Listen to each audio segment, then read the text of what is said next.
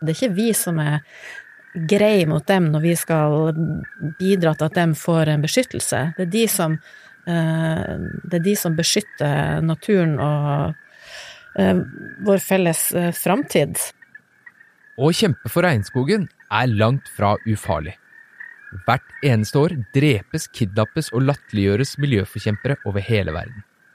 Dagens gjest er en som har dedikert livet sitt til å kjempe for å sikre menneskerettighetene til miljøforkjempere hun aldri har møtt, og sannsynligvis heller aldri får møte. Hva er det som får en person med kontorplass i lille Norge til å jobbe dag ut og dag inn for rettighetene til helt ukjente mennesker på andre siden av planeten? Mitt navn er Joe, og i dag får Regnskogpodden besøk av seniorrådgiver i Regnskogfondet, Borghild Tønnesen Krokan.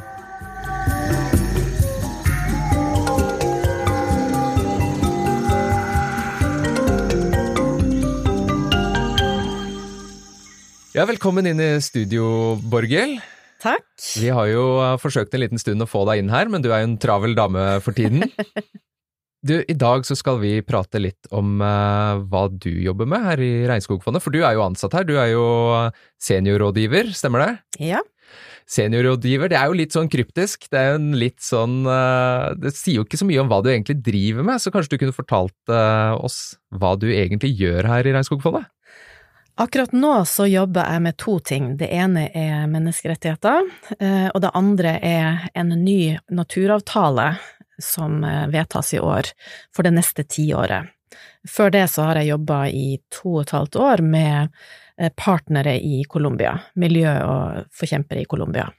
Men jeg, jeg, vet jo det at du har drevet med, med miljøforkjempere og menneskerettigheter før du begynte her i, i Regnskogfondet også, stemmer det? Mm. Ja, ja for, hva er egentlig menneskerettigheter? Ja, menneskerettigheter, det er de rettigheter og de frihetene som man har eh, i kraft av å være menneske.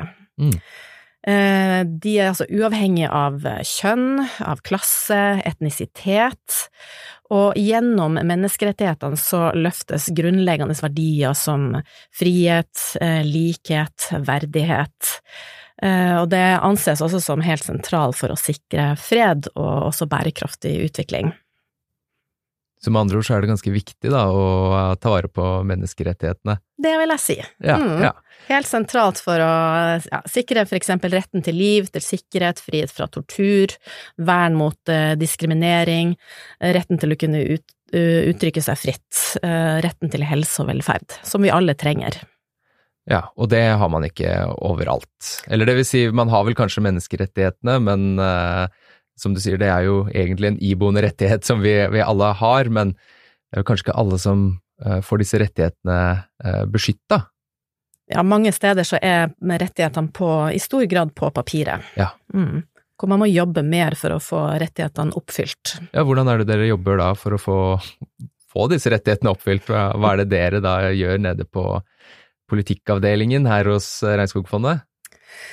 Vi jobber langs flere spor. Først vil jeg bare si at eh, Regnskogfondet har jo jobba eh, med rettighetsbasert regnskogbevaring i over 30 år. Mm. Fordi at vi redder jo ikke regnskogen fra, fra Oslo. Nei, ikke sant? Rett regnskogen reddes jo med de som bor i, i, regnskogen, og som lever av regnskogen, og som bor i, i regnskogland. Så Regnskogfondet har jobba tett med partnere i, i regnskogland i, i, mange, mange år. Mange av de vi jobber med, er uh, urfolk, og urfolk er særlig utsatt. Urfolk har utstrakte uh, rettigheter, nedfelt eksempel i ILO-konvensjon 169 og gjennom en rekke erklæringer.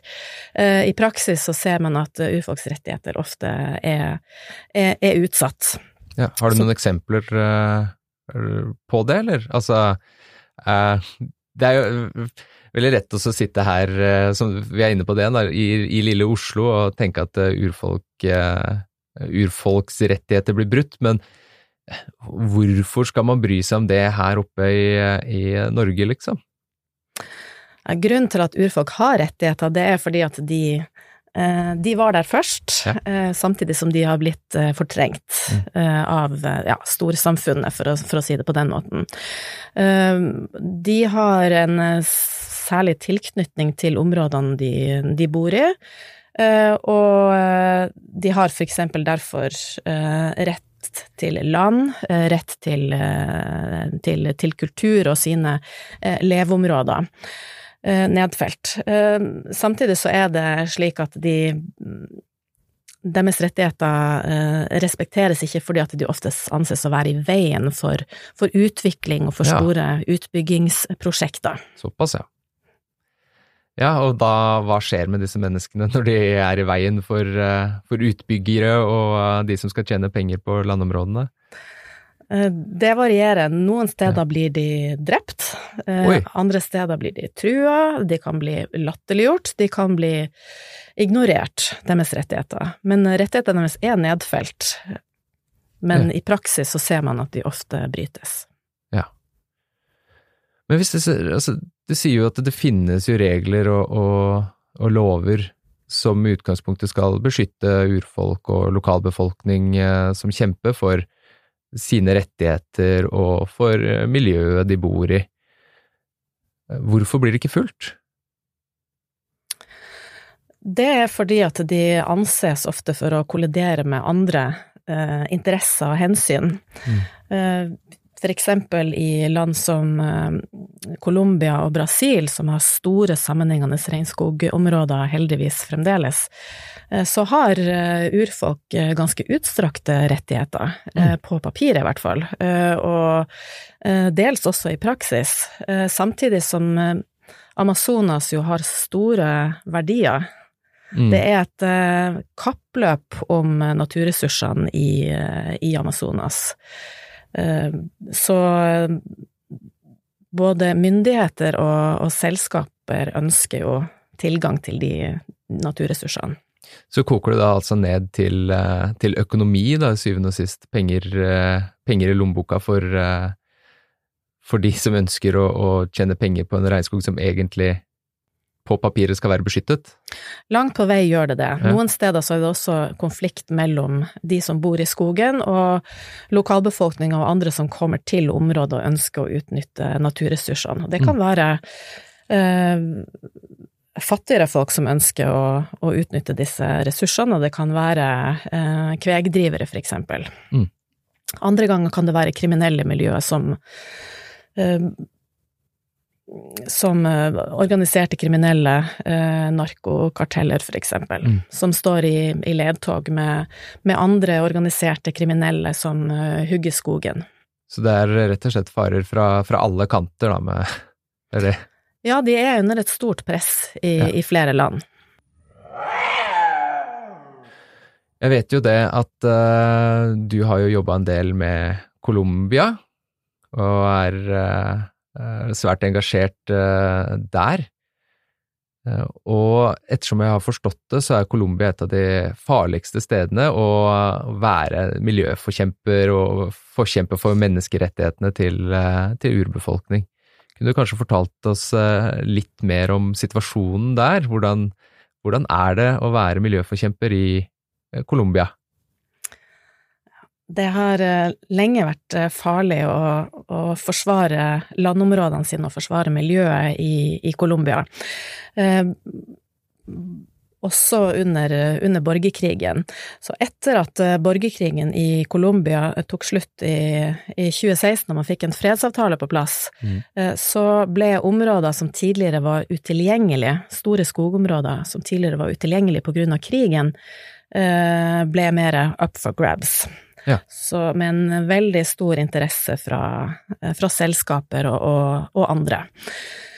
Eh, samtidig som det var lite statlig tilstedeværelse i disse områdene. Eh, så da så man at det var et veldig press på, på, på landområdet, samtidig som flere millioner internt fordrevne etter borgerkrigen. Mange av de vendte tilbake til, til, gamle landområder der andre hadde bosatt seg i mellomtida. Mm. Så det har vært en, en konflikt om, om, land, øh, og tilgang til dyrk, dyrkbar jord også i Colombia, som er med på å legge press på, på naturen og de som, de som bor i skogområdene.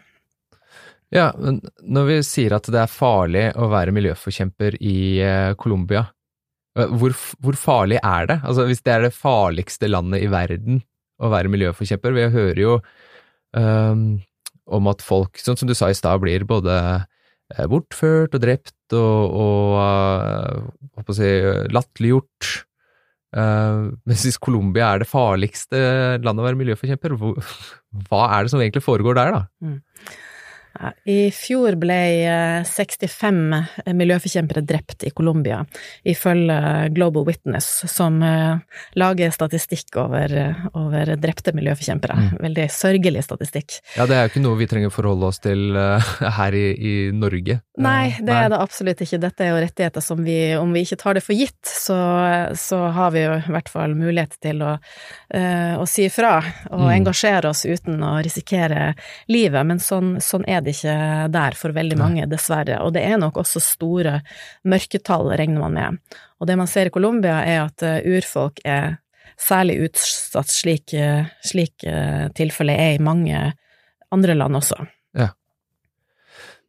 Det er ikke bare voksne mennesker dette går utover.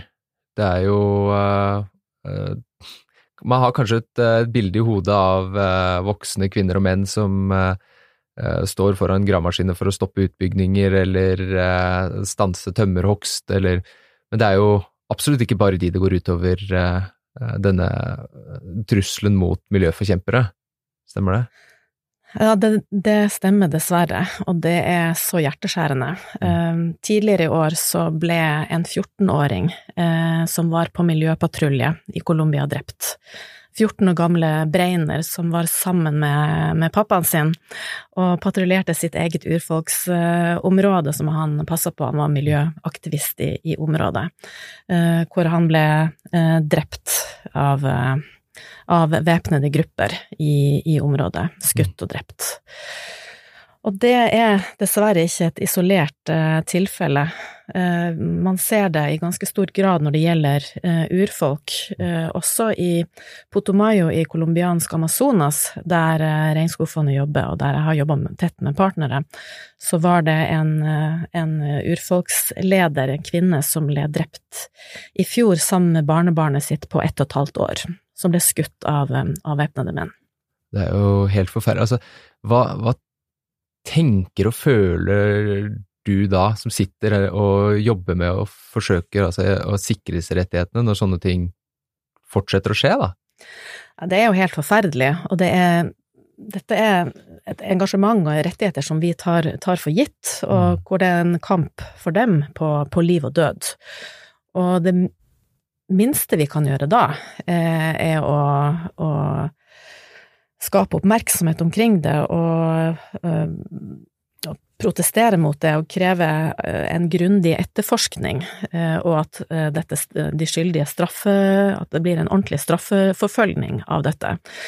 Så ja, det er, det er opprørende. Vi vet jo at uten slike dedikerte, engasjerte mennesker, så klarer vi jo ikke å, å, å bevare regnskogen. Nei.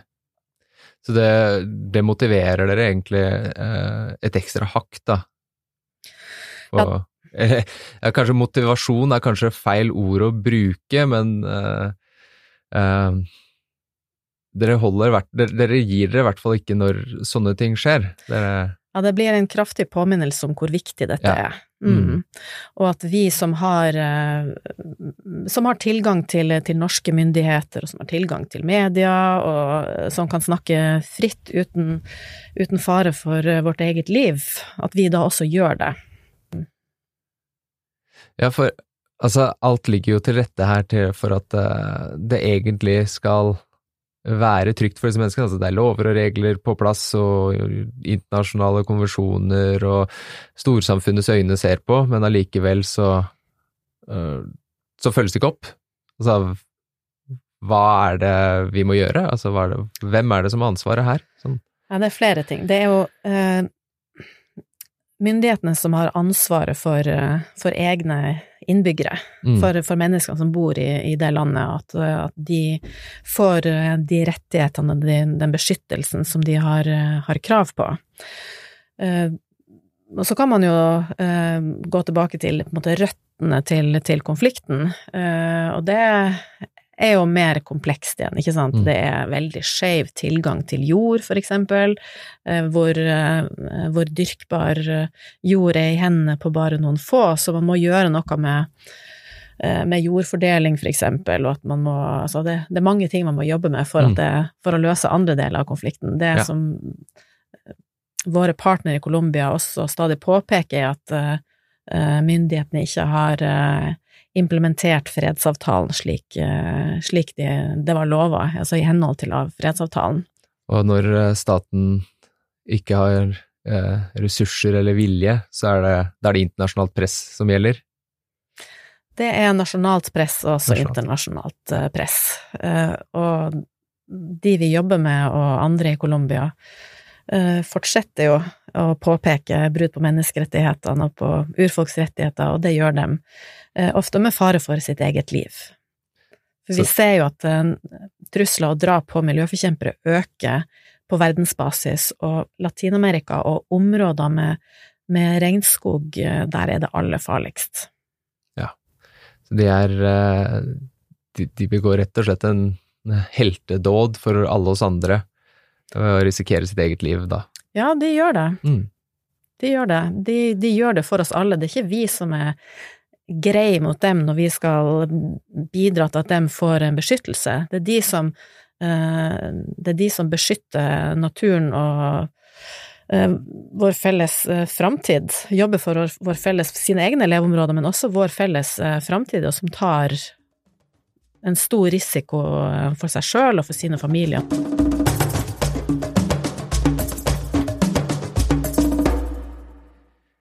Du har jo jobbet med menneskerettigheter ganske lenge, en god stund. Eh, Du har også vært innenfor eh, kommunikasjon, blant annet, også. Eh, Hva var det som fikk deg til å søke jobb i Regnskogfondet? For du, du har jo i utgangspunktet ikke en eh, typisk regnskogbakgrunn. Så hva er, det, hva er det som gjør at du går på jobb i Regnskogfondet og ikke noen av de andre eh, menneskerettsorganisasjonene? Jeg har tidligere jobba både med, med menneskerettigheter og med klima, miljø, bærekraftig utvikling, eh, og forelska meg litt i Regnskogfondet eh, og saken til, til Regnskogfondet. Det er jo lett, lett, det er jo lett å skjønne, det. Ja, fordi at hvis vi ikke klarer å, å redde regnskogen og gjøre det med de som bor i Mm. regnskogen, så kan vi bare glemme å nå klimamålene og naturmålene. Mm. Så eh, jeg merka etter hvert at jeg snakka mer og mer om, om å redde regnskogen, så det var et ganske naturlig valg etter hvert. Ja. ikke minst fordi at eh, denne fantastiske regnskogen har det har altså tatt millioner av år å bygge opp, og vi er i ferd med å rasere den i løpet av bare noen generasjoner, og Mm. det kan vi ikke gjøre. Det kan ikke skje på vår vakt. Så vi er nødt til å gjøre det vi kan for å, for å stoppe det, og gjøre Mm. det med de som bor i regnskogen.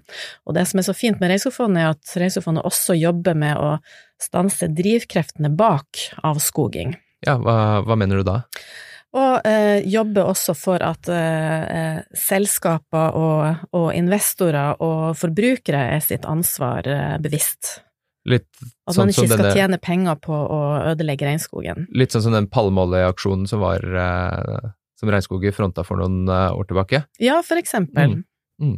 Som gjorde at til og med mine barn snakka om at de ikke skulle kjøpe Nugatti for eller eh, ulike pålegg fordi at det Og det skal litt til før barna nekter å spise sjokoladepålegg. Altså. Da har man nådd fram med budskapet, tenker jeg. Mm.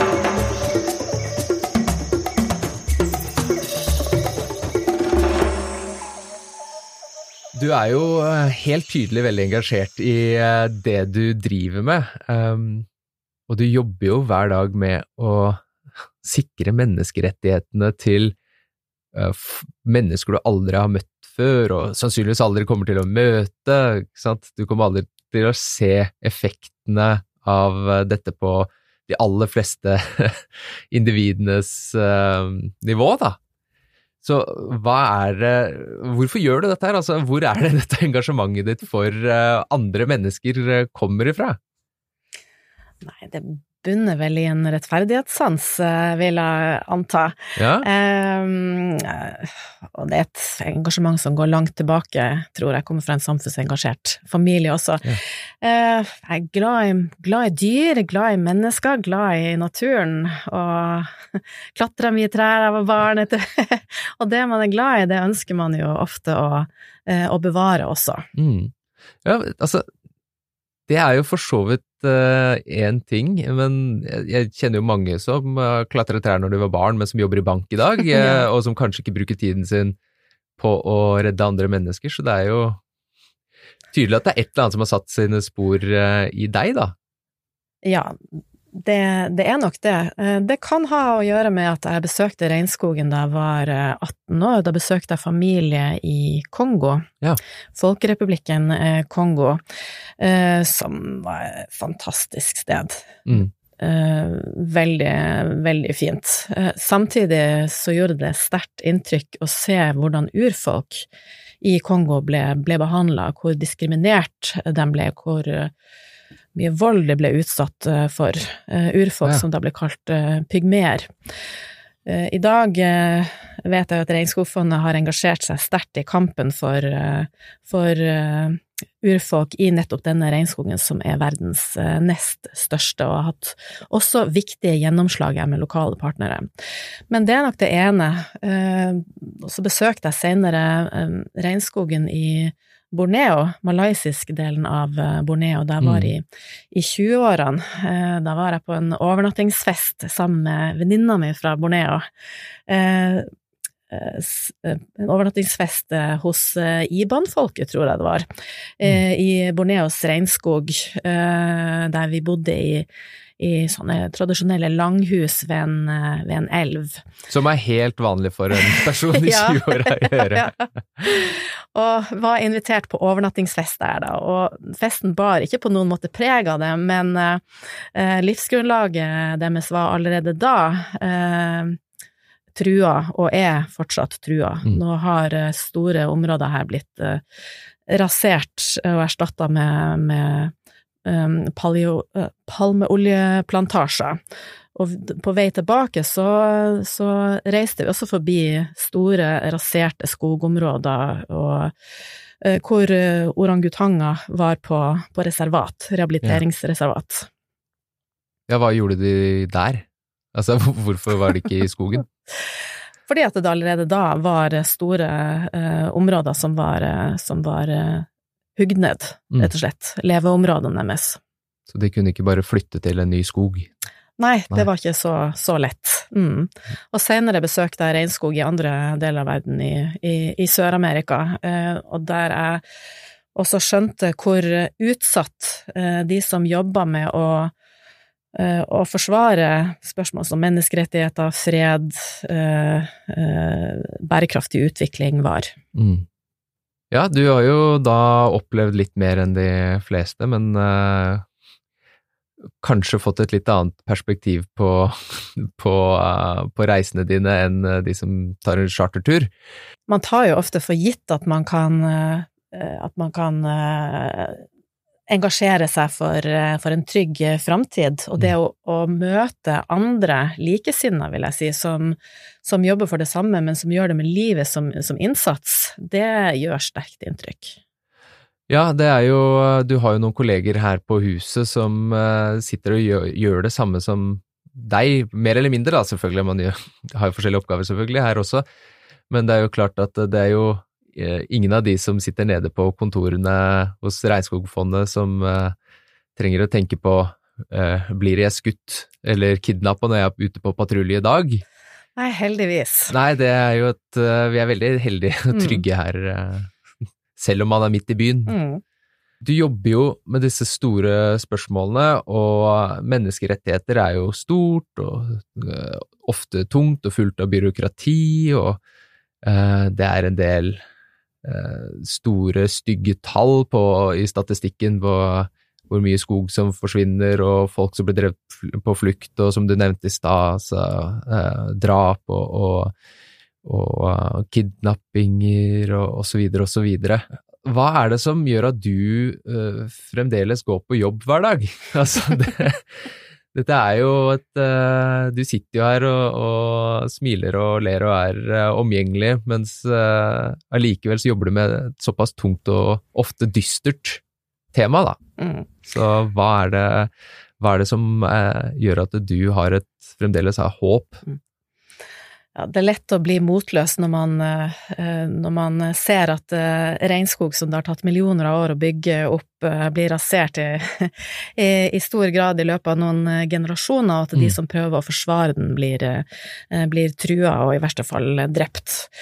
Samtidig så ser vi jo at det nytter. Det ser vi over hele verden. I alle landene vi jobber i, så ser vi at de vi jobber sammen med, har fått veldig viktige gjennombrudd i kampen for regnskogen, den fredelige kampen for, for regnskogen og for uh, urfolk og skogfolks uh, rettigheter. Her har jo Regnskogfondet bygga denne grunnmuren i, i 30 år og jobba for det, sakte, men, men sikkert. Eh, dette begynner jo med hver og en av oss. Eh, vi ser at eh, miljøengasjementet brer om seg i, både i Norge blant unge, men også innenfor selskaper og i, i andre land.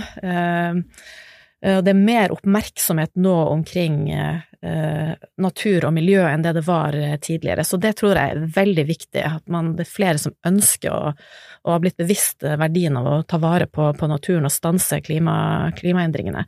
Så ser man også at det er stadig flere som har fått øynene opp for den viktige Eh, innsatsen urfolk og skogfolk gjør mm. i, i, regnskogen for å, for å, bevare den, for å uh, bruke den, forvalte den på en bærekraftig måte og for å beskytte regnskogen. Og det, de jo, det er jo noe som man har tatt for gitt i, i lang tid. Ja, for er det de gjør, hva er det de gjør annerledes enn si, de, de, store, rike landene som har uh, lovet bort Eh, at, at, de skal passe på regnskogen. Hvordan er det urbefolkningen gjør den jobben bedre? De eh, lever jo mer i pakt med, med, naturen, og det betyr ikke at alle urfolk i, i alle land, i alle samfunn, lever i pakt med naturen, men det man ser er at eh, der urfolk eh, forvalter eh, regnskogen, der er den også best bevart. Ja. Og det er det stadig flere som har fått eh, øynene opp for. Så under klimatoppmøtet i Glasgow i fjor, så var det eh, en rekke land og også internasjonale stiftelser og andre som, som forplikta seg til å eh, å gå sammen om å redde regnskogen, og, og støtte også urfolk og lokalsamfunn i, i å bevare regnskogen. Ja, så det, det er, en større nytt. oppslutning enn det man har sett noensinne. Mm. Så det internasjonale samfunnet også, eh, ikke bare Regnskogfondet, som nå eh, vedkjenner seg at kanskje det er på lokalt plan det skjer, da? Ja, vi ser at det, det, det, er en internasjonal bølge her som vi også håper vil, eh, vil, vil fortsette. Samtidig så ser vi at en, en rekke land, som for eksempel Brasil og, og Colombia, har, uh, har uh, regler på plass og, og, lovverk på plass som, som beskytter urfolks, uh, urfolks, rettigheter og deres landrettigheter også. Så det, det, er flere land som har, som har lovverket på plass, og det gir et veldig viktig grunnlag for å klare å, å bevare både, eh, både skogen og dem som tar vare på den. Mm. Man ser eksempel internasjonalt eh, at det har kommet nye eh, politiske erklæringer om eksempel retten til et sunt miljø, som er anerkjent eh, av FNs menneskerettighetsråd i fjor høst. Eh, Nylig så, eh, så, erklærte også den interamerikanske menneskerettighetskommisjonen eh, klima for å være en akutt menneskerettighetskrise.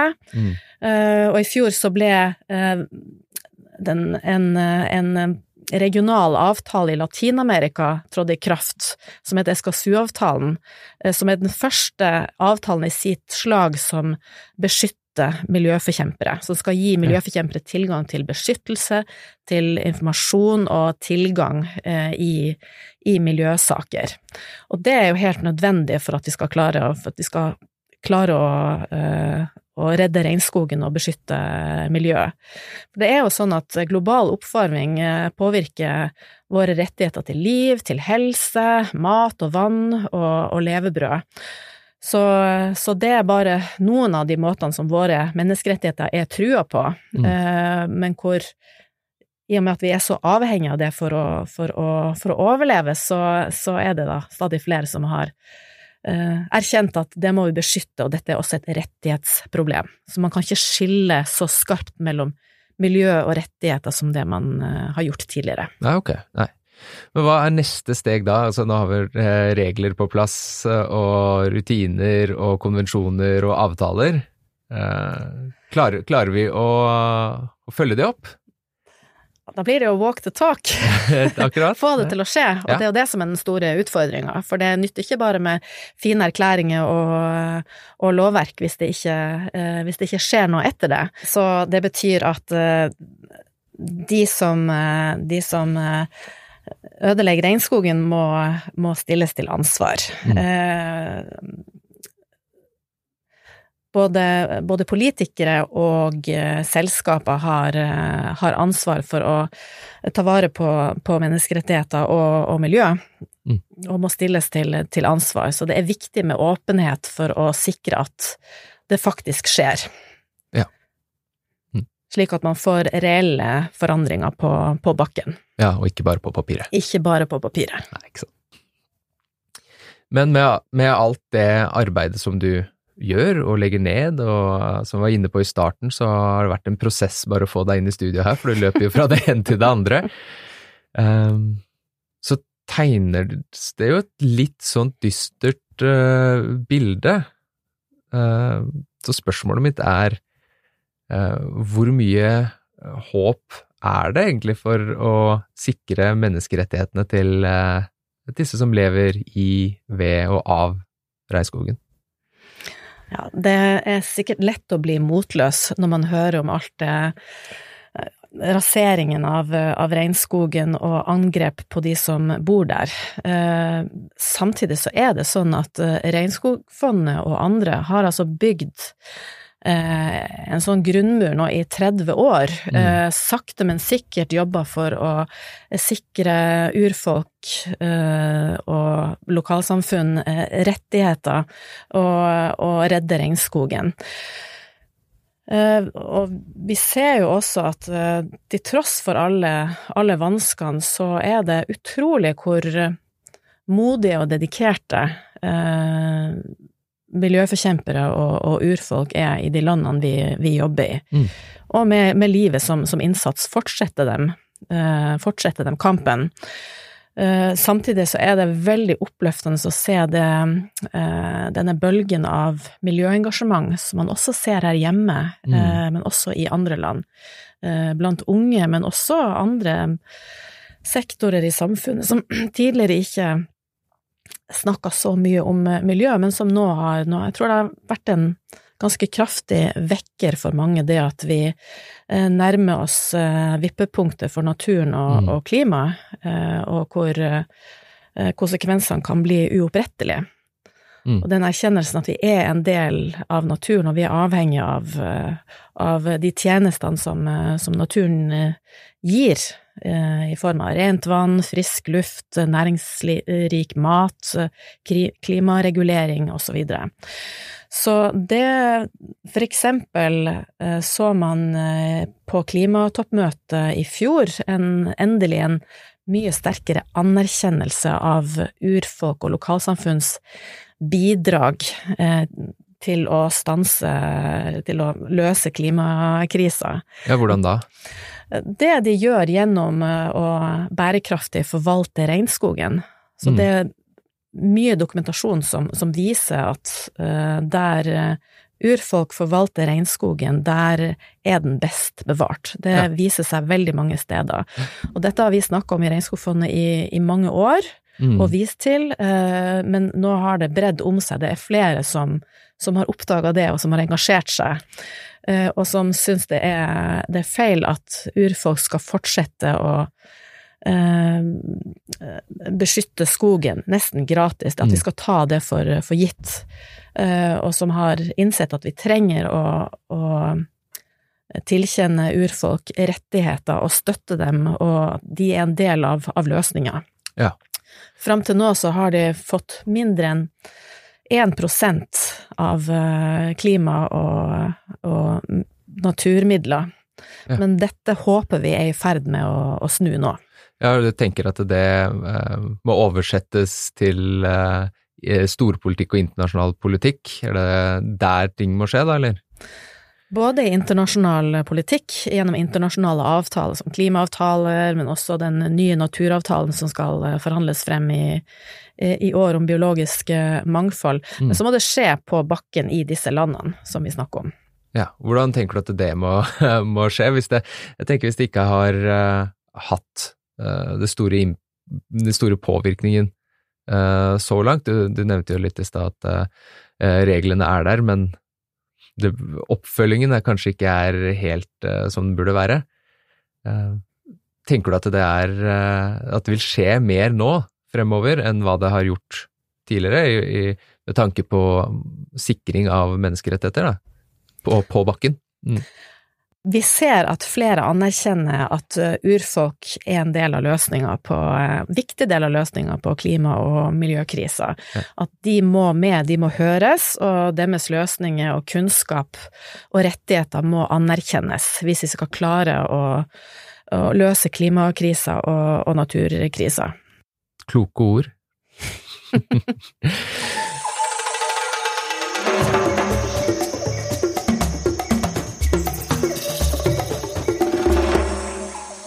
Nå begynner vi jo å nærme oss litt eh, slutten på podkasten. Eh, men jeg har et spørsmål helt på tampen som eh, jeg stiller til alle som kommer eh, inn her i studio. Som du heller ikke har fått vite på forhånd, så her kommer det en liten, eh, liten overraskelse fra sidelinja. Men jeg tror kanskje du klarer helt fint å, å svare på det, og det er eh, hva er det beste med regnskogen for deg?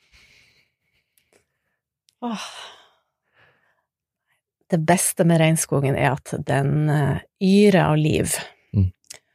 Uh, av alt fra uh, uoppdaga arter til uh, rosa delfiner til underlige insekter. og det at den både regulere klimaet, eh, sikre oss tilgang til rent vann, nok mat, sikre disse økosystemtjenester, samtidig som det er et fantastisk sted å være. Borghild, det har vært kjempehyggelig å ha deg i studio, og jeg er veldig veldig glad for at du er på naturens eh, side i eh, kampen for menneskerettigheter. Da vil jeg bare si tusen takk for at du kom hit i dag. Selv takk.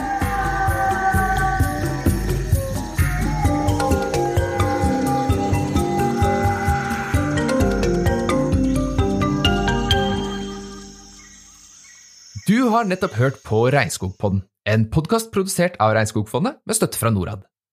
Ønsker du å lære litt mer om hva Regnskogfondet egentlig driver med, så kan du finne masse informasjon om det inne på www.regnskog.no, på Instagram-kontoen vår Regnskogfondet og på Facebook.